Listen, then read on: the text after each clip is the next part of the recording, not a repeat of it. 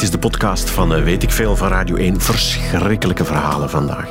Maar wel super spannend. We gaan het over de Kataren hebben. Radio 1. Weet ik veel met Sven Spijbroek. Goedemiddag. En met uh, Mieke Felix, actrice, theologe en kunsthistorica, zit hier bij mij in de studio vandaag. Vorig jaar was je ook al eens te gast hè, bij Weet ik Veel. Toen ging het over begijnen. En Ja. toen heeft Mieke in de wandelgang gezegd, ja, maar ja, maar begijnen, allemaal goed en wel. Maar eigenlijk is mijn grote specialiteit Kataren. Dus vandaag hebben we ze uitgenodigd om het over Kataren te hebben. Zegt ze daar juist bij de koffie voor de uitzending, ja, ja, oké, Kataren, maar eigenlijk is mijn grote specialiteit de Eerste Wereldoorlog. Want je gaat op de Gentse feesten over de Kataren een, een lezing geven. Ja, Daar moeten we het straks over hebben. Maar ook over de Eerste Wereldoorlog, hè? dat zijn geen lezingen, dat zijn vertellingen. Ik heb vijf vertellingen gemaakt over eh, elk jaar van de Eerste Wereldoorlog, de Grote Oorlog. En eh, die heb ik ondergebracht in mijn persoonlijk project Kahani-vertellingen, waar ik al meer dan twintig jaar mee bezig ben. Allerhande verhalen vertellen. Ja. Maar die verhalen heb ik zelf gemaakt op basis van historische gegevens. Ja. En je zou het dus eigenlijk liever over Jaurès willen he- hebben. En dan vraagt iedereen zich af wie is Jaurès. En dan moeten we dat daarover hebben. Maar dat gaan we dus niet doen, hè? Nee, We gaan het over Qatar hebben. Volgend jaar over de Eerste Wereldoorlog, maar nu over Qatar. Radio 1. Mieke Felix, vandaag wordt weet ik veel eens een beetje een soort van eh, vakantieprogramma, want we gaan het over de Qataren hebben. Eh, dan moeten we naar de Languedoc, hè, helemaal het zuiden van Frankrijk, tegen de Pyreneeën aan, Car- Carcassonne en zo. Daar woonden ze, hè, de, de Qataren. Lang geleden, eind 12e, begin 13e eeuw, zoiets. Ja, ze worden eh, gesignaleerd, maar eigenlijk niet eerst daar. De eerste keer dat we over hen horen in West-Europa is dichter bij ons, in het Rijnland. Eh Egbert van Schönau spreekt over Kataren. En het rare is dat de term Kataren in Zuid-Frankrijk, in de toenmalige Occitanie, Languedoc, eigenlijk nauwelijks of niet gebruikt is. Het is een, waarschijnlijk een beweging die ruimer was dan alleen het zuiden van Ah, Frankrijk. ja, want daar associeer je het wel mee. Hè. Als Daar je associeer- Qataren ja. Burgten wil gaan bezoeken, dan moet je daar zijn, in Frankrijk. We associëren het daarmee omdat daar die eh, grote ehm, tegenstand geweest is en die grote gevechten. Dus er is eerst en vooral een kruistocht georganiseerd tegen hen, eh, georganiseerd door Paus Innocentius III. Eh, waar de koning van Frankrijk eerst zelfs niet wilde aan meedoen. Ah ja, want de Kataren waren, moeten we nog wel zeggen, hè, het waren een soort van, van afscheuring van het katholieke geloof. Ze hadden een eigen variant waar de paus niet van gediend was. Ja, waren- En die is inderdaad de kruistocht begonnen, ja, associeert het ook Onze- met- met uitroeiing. Hè. Onze term ketters is eigenlijk daarvan afkomstig. En dat is het dat wat opvallend is. Dus in het Frans zegt men heretiek. Dat is een ander woord, dat komt van het Grieks. Maar ketter komt van Qatar. Het is opvallend, dat woord is inderdaad in het Duitsstalig gebied voor het eerst gebruikt Ah, om hen aan te duiden. En Qatar betekent het iets? Oorspronkelijk, de meeste mensen dachten, en ik twijfel of ik dat ook moet geloven, dat het ook van het Grieks komt. Kataros betekent zuiver. En er waren in het vroege christendom ehm, ketters, eh, andersdenkenden, dissidenten zeg maar, die Kataristai genoemd werden, zuiveren. Maar eh, de term wordt door een chron- chroniekschrijver in de middeleeuwen gelinkt, en dat is ook weer iets dat wij in onze taal heel goed kunnen begrijpen, met kat. Het zijn kataanbidders. Dus het is heel dubbelzinnig of die oorspronkelijke betekenis kataren wel die positieve betekenis had van zuiveren, hè, ofwel inderdaad van meet af aan verdraaid is door tegenstanders om dat te linken aan de kat. Er zijn afbeeldingen van groepen Kataren die zogezegd een kat aanbidden. Dus dat werd, daar werden ze van beschuldigd. En dat is een eerste stapje naar wat later de heksenvervolging zal worden. Ah ja. Zeg, eh, de lappen willen niet dat je ze lappen noemt en de Eskimo's willen niet dat je ze Eskimo's noemt. Ik kan vermoeden dat de Kataren geen Kataren genoemd willen worden. Inderdaad, dat is zo. Eh, zelf noemden zij zich eh, christenen. Gewoon christenen. De, hun, de bevolking waartussen zij leefden noemde hen goede mensen. Boni homines, bon homme, bonne femme.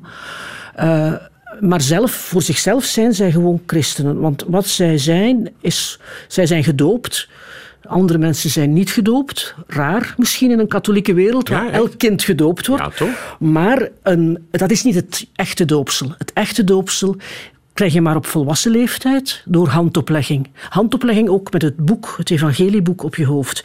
En dan ben je pas echt een christen. En dat kan je maar zelf beslissen als je volwassen bent. Nee, dan ben, je, dan ben je pas echt een Qatar, want dat is wat ze geloofden. Dat is dan, ja, dan ben je Ja, dus, een... dus Qataren werden niet gedoopt als Jawel, kind? als kind Ah, waarschijnlijk wel. Maar dan daarna hadden ze nog ze iets kiezen, anders? Ze kiezen zelf, eh, als ze die beslissing willen nemen. Mhm. Hè, Er zijn mensen in, in een omgeving die hen daarvan eventueel overtuigen. Van kijk, ik wil die stap zetten. Ik wil dat moeilijke leven van een christen op mij nemen.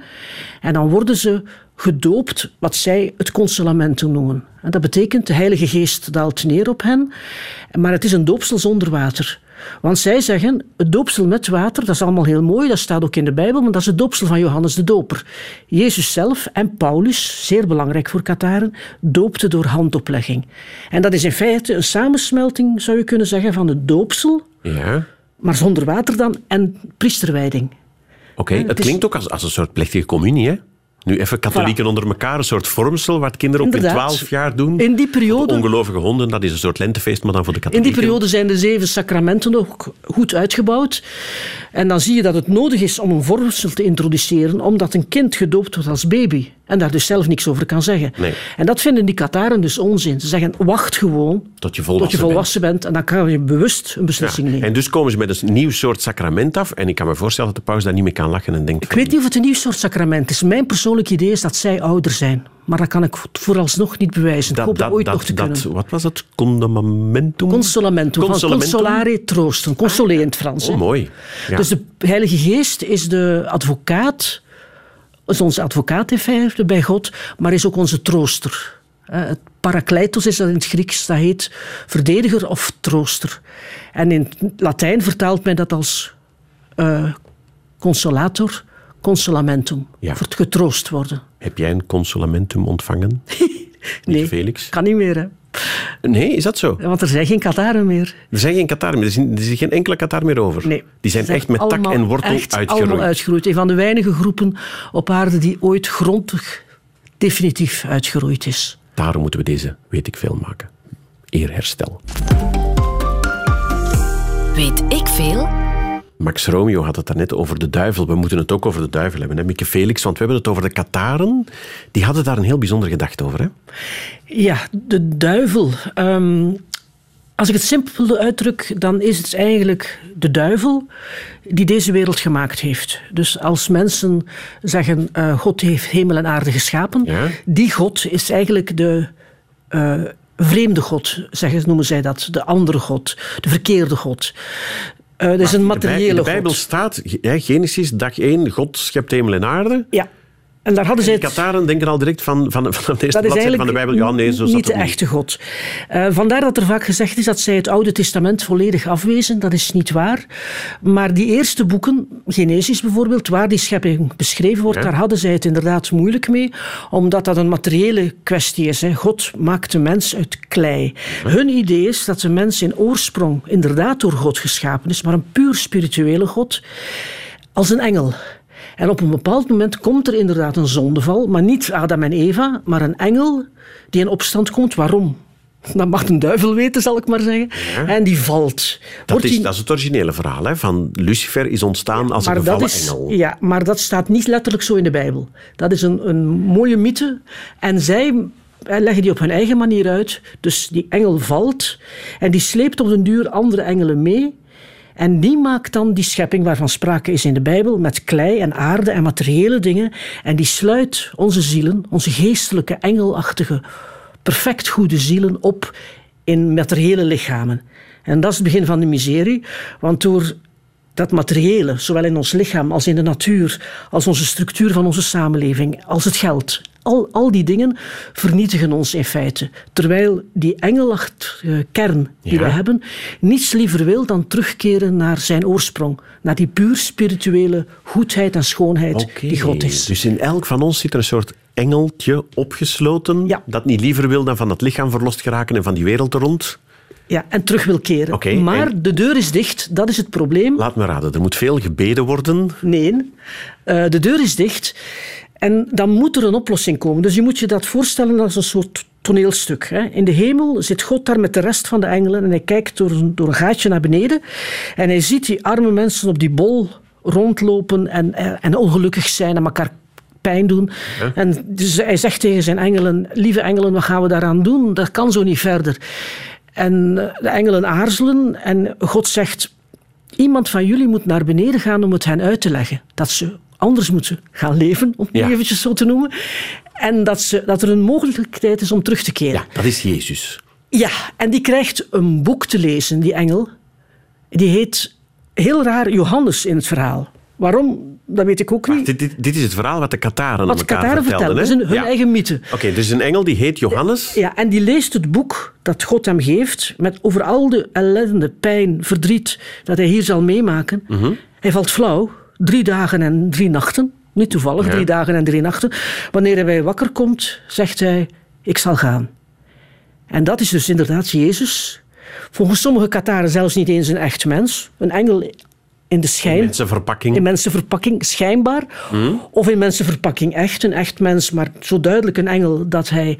Ja. En waar het op aankomt, is niet dat hij aan het kruis gestorven is, want dat is een misdaad. Dat is gewoon de, de heer van deze wereld, die slechte god, die zijn sold- soldaten zover krijgt om die goede mensen aan het kruis te nagelen. Dat is dus niet de offerdood om ons te redden. Nee, de redding is de boodschap. De boodschap van het christendom. Ah ja, Daar dus geloven om. wel in Christus, maar niet in het feit dat hij dan de- Nee, de die- mensheid die verlost kruisdood heeft. is een gruwel. Wat de paus allemaal gelooft. Ja. Voor zover het een echte mens was. En anders is het gewoon niet gebeurd. Dus we weten het omdat Jezus het ons is komen uitleggen dat we engelen zijn opgesloten in een mensenlichaam. Hoe kunnen we het eruit ontsnappen?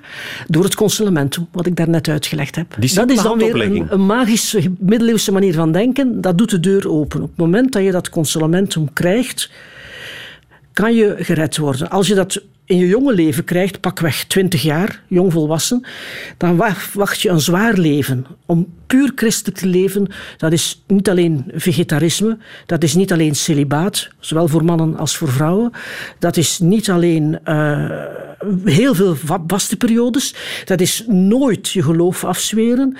En dat is eh, ook proberen altijd in alle omstandigheden een goed mens te zijn en nooit, wat misschien het ergste van al was, nooit of te nooit mag je een eed zweren. Want dat staat in het evangelie. Zweer geen eed, Ah ja. lieg gewoon niet. Je mag Het- het- nooit liegen. Het klinkt heel moeilijk, Qatar zijn. Het is dus heel zwaar. Maar het bizarre is, wie zegt van, ik vind dat wel interessant en ik geloof daar eigenlijk wel in, maar ik kan daar niet aan. Ik wil een gewoon leven leiden, ik wil trouwen, ik wil kinderen hebben, ik wil, ik wil kunnen dansen en wijn drinken en vrolijk zijn. Die Mag het risico lopen en die vraagt aan een Qatar, een geconsoleerde, een parfait, zoals men dat vaak noemt, van kijk, als ik op mijn sterfbed lig, wil je mij dan alsnog het consolamentum toedienen? dat is slim. Ja, dat is slim, is hè? slim, ja, ja. En het, het rare Dus is, dat weten weinig mensen, dat is een zeer christelijk idee. De werkers van het laatste uur, dat staat in het evangelie, of je nu heel de dag gewerkt hebt, in, in bloed, zweet en tranen, of je komt er op het laatste bij, dat is allemaal goed. Ah ja, dat is waar. Er is zo'n parabel van, van Inderdaad. mensen die in de wijngaard gaan werken. En dus, en die nu- de hele dag werken of diegenen die het laatste uur werken, die krijgen evenveel betaald. En dan is daar protest over. En dan zegt... Ja, zeer onrechtvaardig. Tut, tut, tut, zo is dat. Ja. Ja. Dus, maar daar, dus je ziet dat consolamentum telt als vormsel, zoals je al zei, Mhm. als priesterwijding, als sacrament van de stervenen en eigenlijk ook als biecht. Op dat moment dat je dat gekregen hebt, word je geacht van nooit meer te zondigen. Wie dat toch doet, die moet helemaal er beginnen. Terug een noviciaat, terug eh, alles opnieuw beginnen en opnieuw een consolamentum krijgen. Echt? Na iedere zonde. Zware zonde. En wat waren zware zonden voor Dat waren zware zonden waren wat ik daarnet opzonde. Dus Vlees nooit vlees eten, eh, die vaste periodes houden, eh, nooit seksuele omgang. Mannen en vrouwen raakten elkaar zelfs niet meer aan. Die Kataren hebben zich niet voortgeplant. Die gingen vanzelf uitsterven eigenlijk. Als Ja, dat was ook de bedoeling, hè? Want deze wereld is toch maar de hel. Ah, die wilde dood.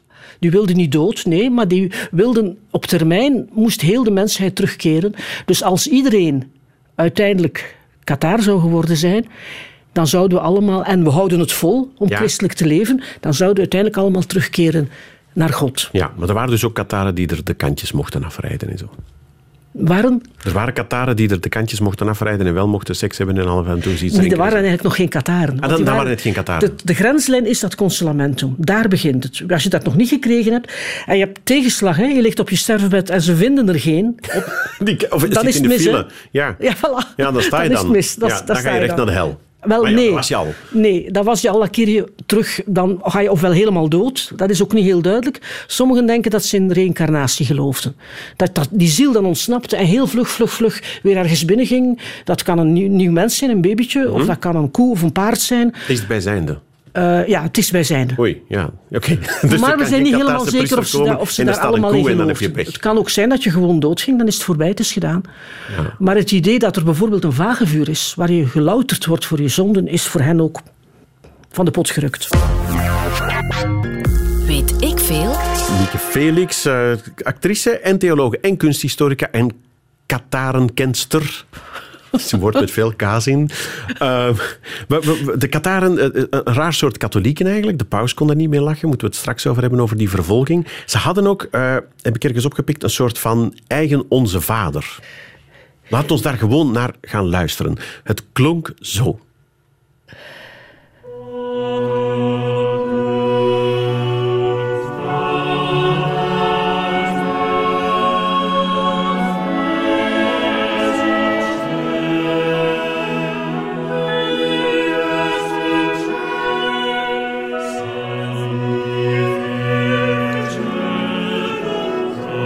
Hebben er gisteren lang naar gezocht, moet ik eerlijk zeggen. We waren dan super blij dat we het eindelijk gevonden hebben. Het paternoster op Kataarse wijze. Ik versta er niks van, eerlijk gezegd. Weet jij wat ze zingen of wat er zo bijzonder is aan hun Onze Vader? Ja, ik denk als je het helemaal zou beluisteren, het gaat eigenlijk maar om één zinnetje. Dus ze zingen, eh, dit is een, een versie van Jordi Saval, die eh, een hele reeks platen heeft uitgebracht over de geschiedenis van het Katharisme en van de Inquisitie en de kruistocht. En hij heeft daar ook terecht geprobeerd om het Onze Vader, zoals zij het vermoedelijk misschien niet zongen, maar reciteerden, eh, weer te geven. Zijn gewoon gebaseerd op het bestaande Onze Vader dat we kennen, Pater Noster, Ques in Celis enzovoort. En daarin komt op een bepaald moment de, ziel, de zin Panem nostrum quotidianum da nobis hodie. Geef ons vandaag Geef ons heden ons dagelijks ons brood. dagelijks brood. Ja? En dat is een ingewikkelde discussie die ik nu niet helemaal ga aanhalen, denk ik. Maar het heeft te maken met een vertalingsprobleem. Dus oorspronkelijk was het Nieuwe Testament in het Grieks. En daar staat het woord epiousion voor eh, dagelijks brood. Maar vermoedelijk betekent epiousion niet dagelijks. Men heeft daar eeuwenlang zijn Wekelijks? zijn hoofd overgebroken. Eh niet, niet wekelijks ook, maar. ehm, en de, de oplossing die er uiteindelijk in het vroege christendom gevonden is door de vertaler, is dat hij in het ene evangelie, waar het onze vader staat, het woord vertaald heeft door dagelijks. Ja. En in het andere, in het Latijn dan, vertaald heeft door transsubstantialem. Dus transsubstantieel, bovennatuurlijk, Dat, boven... dat zingt iets moeilijker natuurlijk. Ja, Geef en- ons heden ons transsubstantiële brood. Dat is bij- misschien daarom dat men het nooit in de eredienst gebruikt heeft. Ik Er moet waren- eerlijk zeggen, ik, ik heb ooit het geluk gehad om Rick Torst te gast te hebben over de transsubstantiatie. Daarom dat ik dat moeilijke woord ken. Als ik het goed onthouden heb, eh, is dat het moment waarop de hostie, waar de priester mee rondgaat, en zegt hij, eh, dit, is, lichaam ja, dit is het lichaam van Christus. En dan moet je als katholiek geloven dat dat niet bij wijze van spreken is, Maar echt. dat het recht is en Ja, dat kan maar niet. Dus en dat heeft het niks mee te maken. Ah. Want Kataren vonden Ja, dat wacht. Ik heb ook super eens iets belachelijk. onthouden. Dat Dat een stukje brood kon veranderen in het lichaam van Christus. Ten eerste waren zij niet voor lichamelijke dingen. Transsubstantieel betekent voor hen onstijgend aan de substantie, hoger dan de substantie. Ah, ja, Dus wij moeten niet vragen voor dagelijks materieel brood, maar voor spiritueel brood. En dat spirituele brood voor hen is voor hen heel simpel. Dat is God zelf of de liefde. Daar moeten wij voor bidden. Oké. En zij zijn van de weinige groepen. Er was nog één andere groep, dat was Abelard en zijn nonnetjes. eh, met zijn eh, geliefde Heloïse, was abdis in een klooster. En die zongen het Onze Vader ook op die manier. Hij heeft daar serieus ruzie voor gekregen met Bernardus van Clairvaux.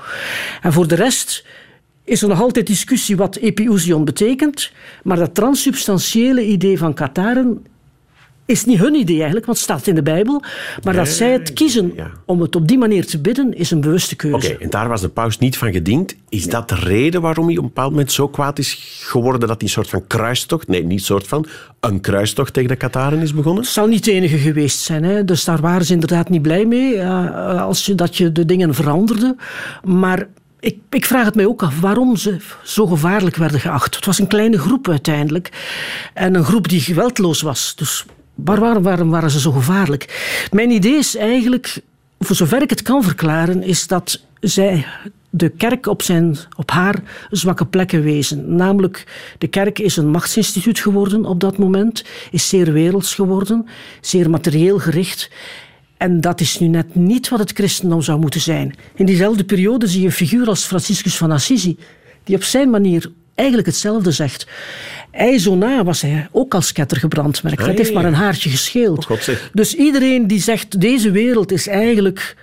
Al die aardse Maar dingen. niks. En dat eten en drinken en seks en geld verdienen. En... En ja, vooral, vooral eh, het, gaat, het gaat niet zozeer om seks aan zich, maar om dat, om dat materiële dat Ja. altijd maar opgestapeld wordt. Iedereen die zegt de wereld, daar moeten we het niet voor doen, maar we moeten het doen voor, voor waarden zoals goedheid en waarheid. Ja.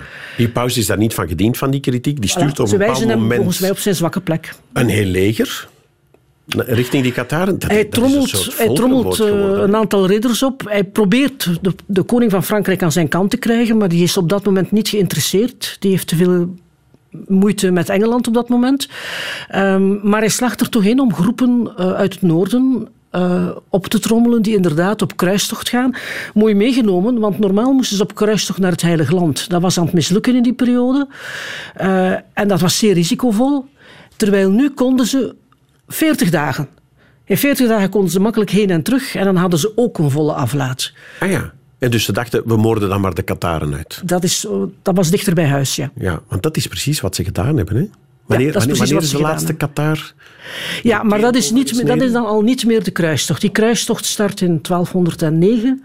En er zijn verschillende campagnes achter elkaar waar het land eigenlijk op de knieën wordt gedwongen. En in de laatste fase doet de koning van Frankrijk ook mee. En dan uiteindelijk merkt hij dat hij heel makkelijk dat gebied eh, dat leeggeplunderd is eh, en vernietigd is, kan aanhechten. Dat heeft dan nog wel wat voeten in de aarde. Dat was nog geen deel van Frankrijk. Nee, absoluut niet. Dat, de, de geschiedenis van het Qatarisme is une des journées qui ont fait la France. Ah, en wat, is, wat was dat dan? Een soort Dat waren verschillende eh, graafschappen, eh, onder andere het graafschap van Toulouse en het eh, burggraafschap van eh, Béziers en Carcassonne. En dan nog een paar andere die al dan niet eh vazal waren van de koning van Frankrijk, maar sommigen ook sterker verbonden waren Ja. met de koning van Dus Aragon. die Franse koning dacht, als ik samen met de paus die Kataren uitroei, dan pik ik gewoon hun land Ja, in. maar hij heeft het pas in een latere fase gedaan. Dat is bizar. Hij heeft Ja. in eerste instantie eh, wou hij niet meedoen. Weet Dat- je nog wat de vraag was? Wanneer is de laatste omgelegd? En hoe? Wanneer is de laatste Qatar? Qatar, ja. maar dat is dan een stuk later. Dat is al begin 14e eeuw. En dat is eigenlijk weer een ander verhaal, want eh, er komt een vredesverdrag. ehm, dat gebied wordt aangehecht, wordt een deel van Frankrijk. En dan, aan het eind van de, de 13e eeuw, komt er een heropleving. Dan gaan een groep mensen naar Italië, waar er op dat moment nog groepen zitten. Dat weten ook weinig mensen. Die ze hebben veel langer bestaan in Italië. En die worden daar opgeleid tot wat men dan een parfait noemt, een bonhomme, iemand die het consolament gekregen heeft, en die keren terug naar de streek Zuid-Frankrijk, naar Occitanie, Ah, en beginnen en opnieuw. opnieuw te prediken. Ja, en dat heeft succes. Ah, en die paus weer kwaad. En die koning van Frankrijk. En er is weer, gedaan. en, maar op dat moment zitten we al in de fase van de Inquisitie. En de allerlaatste Qatar die sterft in 1321. En weten we wie dat was? Ja, Guillaume Bilibast. Guillaume Bilibast. Ja. Die is waar gestorven. Het Villerouge Termenes. Ze weet werkelijk alles. Hè. Welke dag was het? Dat weet ik niet. Ah, dat weet je niet. Ah, jammer. En hoe is hij gestorven? Op de brandstapel. Ah ja, ja zo hoort dat, hè, met Qatar. Weet ik veel? Mieke Felix zit nu vandaag in de studio van Radio 1. Binnenkort sta je op de Gentse feesten. Dan ga je een, eh, met een aantal mensen een Qatarenproces naspelen. Ja, we hebben een, sinds een enkele jaren een Katarendag op de Gentse feesten. Eh, de allereerste zondag van de Gentse feesten, dus dat is nu zondag. En meestal doen we het op hetzelfde systeem. In de voormiddag eh, houden we een aantal lezingen. Met we bedoel ik de leden van ons studiecentrum, Studiecentrum als Katars. Dat is een groep eh, Vlamingen die al een tijdje bezig is met de studie van het Katarisme en die ook verantwoordelijk is voor de website www.kataren.be. Ben je nu reclame aan het maken of lijkt Tuurlijk, alleen maar zo? uiteraard. En, Ja, die ehm, uitleg, dat maar mensen overslaan, In de voormiddag houden we dus lezingen over eh, Katarisme. En in de namiddag, eh, meestal mochten we in de kelder van het Gravensteen, dat kan dit jaar niet, maar we zitten in een andere middeleeuwse kelder in Gent. En daar spelen we inderdaad een inquisitieproces na op basis van authentieke documenten. Is een, een, vrouw die beschuldigd wordt van ketterij, omdat ze haar dochter heeft, omdat ze toegelaten heeft dat haar dochter op haar sterfbed het consolamentum heeft ontvangen. En die is op een bepaald moment door de Inquisitie ondervraagd. Ja. En daar bestaat papier van? Daar zijn, die er zijn verslagen opgeschreven? Er zijn verslagen opgeschreven, die zijn bewaard. Dat is een indrukwekkend reeks boeken die in der tijd vertaald is in het Frans, vanuit het Latijn dan door Jean Duvernois, een van de grote kenners van Catharisme. En die uh, inquisitie werd geleid door uh, een man, Jacques Fournier, die bisschop was van Pamiers en die later paus is geworden onder de naam van Benedictus XII, een van de pausen van Avignon. En je weet, het beeld dat wij hebben van de Inquisitie, dat is met martelen en, en gloeiende tangen en mensen uitrekken en zo. Ging het toen zo? Dat uh, staat er niet bij. Er staat dat ze straf ondervraagd werd, wat dat ook mogen betekenen. Vanaf een bepaald moment wordt inderdaad marteling toegestaan. Maar de gruwel van de Inquisitie vind ik in eerste plaats ook niet de brandstapels, want dat zijn geen massabrandstapels. Dat is echt een proces met alles erop en eraan. Maar wat de Inquisitie gedaan heeft, uh, is het sociaal weefsel kapotgetrokken. Mensen verplichten om te klikken. Toekomen in een dorp en zeggen: Kijk, mensen, als je denkt dat je buurman een ketter is, laat het ons weten. Want als nadien blijkt dat jij dat wist en je hebt het ons niet gezegd, dan word jij ook van ketterij beschuldigd. Op die manier zet je mensen tegen elkaar op, dwing je hen om elkaar te verklikken. En dat heeft een, het sociale weefsel van hele dorpen uiteengetrokken. Dus we kennen heel veel van één bepaald dorp, Montaillou waar we alle ruzies en alle conflicten in dat dorp leren kennen via de ondervragingen van de Inquisitie. Dat is ongelooflijk. Want iedereen beschuldigt iedereen op de duur. Ja, en iedereen probeert te ontsnappen. En sommigen zijn laf en anderen zijn dapper. Het is ja, indrukwekkend en aangrijpend om te lezen. Want hoe ging dat dan als, als, als die soldaten eraan kwamen? Was het dan gewoon, we moorden het hele dorp uit? Of komen ze binnen en ze vragen, wie is hier Qatar? En wie zijn vinger opsteekt, die eindigt op de brandslapel. En... Er zijn verschillende situaties, maar nu spreek je niet over inquisitie. Nu spreek je het over oorlogsrecht, dus de kruistocht. Daar zijn verhalen waar hele dorpen, en hele steden zelfs, ik denk aan Béziers, uh, bijna uitgeroeid zijn. Uh, daar is die beroemde vraag aan de leider, uh, de legaat van de paus, wordt gevraagd: wie moeten we doden en wie niet? Want we weten niet wie ketter is en wie niet. En hij zou geantwoorden, ik zeg het nu in het Frans: Tuez les tous, Dieu reconnaîtra les siens. Dus dood ze maar allemaal, God zal de zijnen er wel uithalen. Heeft die man dat echt gezegd? Dat weten we niet, maar het resultaat was wel een bloedbad. In andere steden en dorpen heeft men inderdaad gevraagd wie is hier geconsoleerd, wie is hier ketter, en die samen op de brandstapel gezet. Ja, vandaar dat je ook vandaag die, die ruïnes hebt van die Burgten, waar ze zich, als ik het mij nog goed herinner, van mijn toeristische trips jaren geleden, uh, in verschanst hebben. Ja, maar eigenlijk...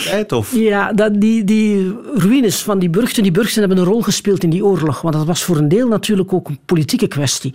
De heren van dat gebied uh, hadden veel liever... Uh, samengegaan met de koning van Aragon dan met de koning van Frankrijk. Dus dat is een, een politiek gevecht ook voor een deel. Dus die Château Qatar die je kunt zien in de streek hebben voor het grootste gedeelte vooral daarmee te maken. Het enige burcht nu nog een burcht, toen een versterkt dorp, is Mossiguur. En dat was echt een Qatar-centrum. Daar waren er veel bijeen die zich daar niet alleen verstopten, maar die daar hun hoofdkwartier hadden opgericht. En dat is uiteindelijk belegerd en, en platgebrand allicht? Of? Dat is uiteindelijk belegerd. Dat, heeft, dat beleg heeft negen maanden geduurd. En dat is geëindigd met een massale brandstapel. Um, dat is, we zijn dan al 1244, vermoedelijk aan de voet van de berg. En dat was niet volgens de regels van die tijd, want de kruistocht was zogezegd voorbij. Men noemt dat soms de laatste brandstapel van de kruistocht. Massa brandstapels, dat is niet het werk van de Inquisitie. Dat is het werk van de kruistocht, dat is oorlogsrecht. Maar in dat geval heeft men wel degelijk dus gevraagd wie is hier Qatar, dat wil zeggen wie heeft het constellamentum gekregen. En dan zijn er 200 die op die brandstapel gestapt zijn, waarvan sommigen pas 14 dagen daarvoor het constellamentum hadden gekregen. Dus dat is een zeer... Die waren nog maar veertien dagen Qatar? Ja, die hadden bewust daarvoor gekozen. En die denken, brandstapel, bring it on. Ik vermoed, men, men heeft hen vaak verweten van een soort zelfmoordenaars te zijn en zo. Maar ik denk dat het vooral angst was van als we hier nu... De anderen werden, uh, moesten zich melden bij de inquisitie, maar zijn nadien officieel althans vrijgelaten. Maar dat die mensen dachten van als we dit nu niet doen, waar moeten we nog terecht? Er zijn geen parfait, geen bonhommes en bonfames meer over.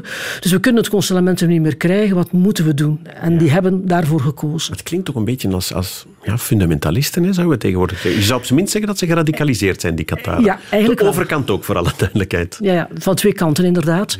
Ehm, er zijn dan, je zou ze fundamentalisten kunnen noemen.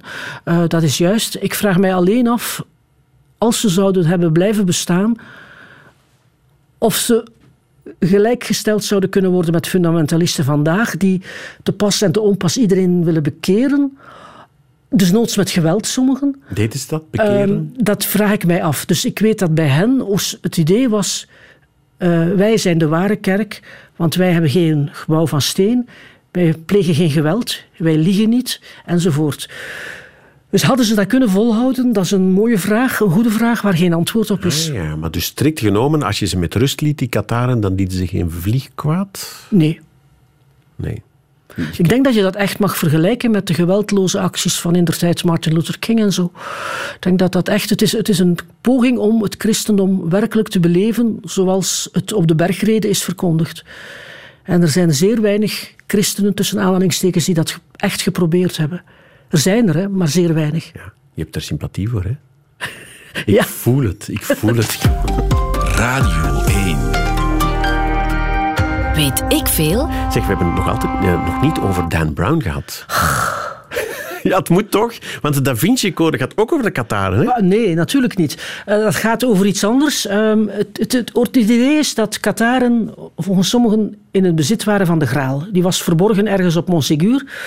En de Heilige Graal, dat is, dat is die beker waar Christus uit gedronken heeft bij het laatste avondmaal. Maar dus Kataren waren daar niet mee bezig. Ik heb daar net uitgelegd waarom. Dat, die, dat bloed en dat... Die deden niet in, in Dat- wat is dat het, materiële ding. dingen. En die deden niet in materiële dingen. Is dat een spirituele graal? Misschien, ja. Maar bij Dan Brown is het nog iets anders. En dat is een verhaal dat eh, gelinkt is aan, aan een dorpje daar ook ergens in de streek. eh ehm, Rennes-le-Château. Waar zogezegd plots een schat zou gevonden zijn. Maar dat was misschien geen schat, dat was een geheim. En dat geheim is dat Jezus getrouwd was met Maria Magdalena. En Maria Magdalena is inderdaad volgens een oude legende naar Zuid-Frankrijk weggevaren. En heeft daar, is daar bevallen van een dochter. En dat is dus allemaal niet waar. Zou niet weten waar, waar dat... dat Weet die dochter heeft dan de koningen van Ja, Frankrijk... maar je moet het niet uitleggen, want het is niet waar. Nee, het is Tegen niet Felix. Ja, dus anders gaan mensen het toch weer onthouden natuurlijk. Dat is de bedoeling. Zeg, we hebben een uur over de Qatar gepraat. Wat moet ik onthouden? Eh, eh, iets met epiousion was het, hè? Ik heb hier opgeschreven, epiousion. Maar wat was het nu weer? Het was, ah ja, ofwel dagelijks brood of, of transsubstantieel brood, hè? Ja. Ja, dat is veel te moeilijk om dat nu nog eens terug uit te leggen voor de mensen die nu pas inpikken. Ja, die moeten maar naar de Gentse feesten duren. komen, vind ik. Hè, waar jullie de uitleg gaan geven over Ja, de Qataren nog eens opnieuw. Zondag. En dat proces gaan naspelen. Ja. Iets in mij zegt dat jij die, die Qatarse vrouw gaat zijn, de beschuldigde. Ja, er is maar één vrouw in onze groep, dus... eh, Ja, hebben jullie een brandstapel al klaarstaan? en wel, eh, de mensen mogen beslissen eh, waartoe ik veroordeeld word. Ah Maar meestal word ik veroordeeld tot een pilgrimage naar Sint-Jacobs. Dat valt dan Wat in de Gentse feesten niet moeilijk is. Mieke Felix, dank je wel voor de geweldige uitleg. Radio 1. Weet ik veel? Dit was Weet ik Veel, de podcast. Een aflevering tussen de vele. Je vindt ze allemaal terug op radio1.be.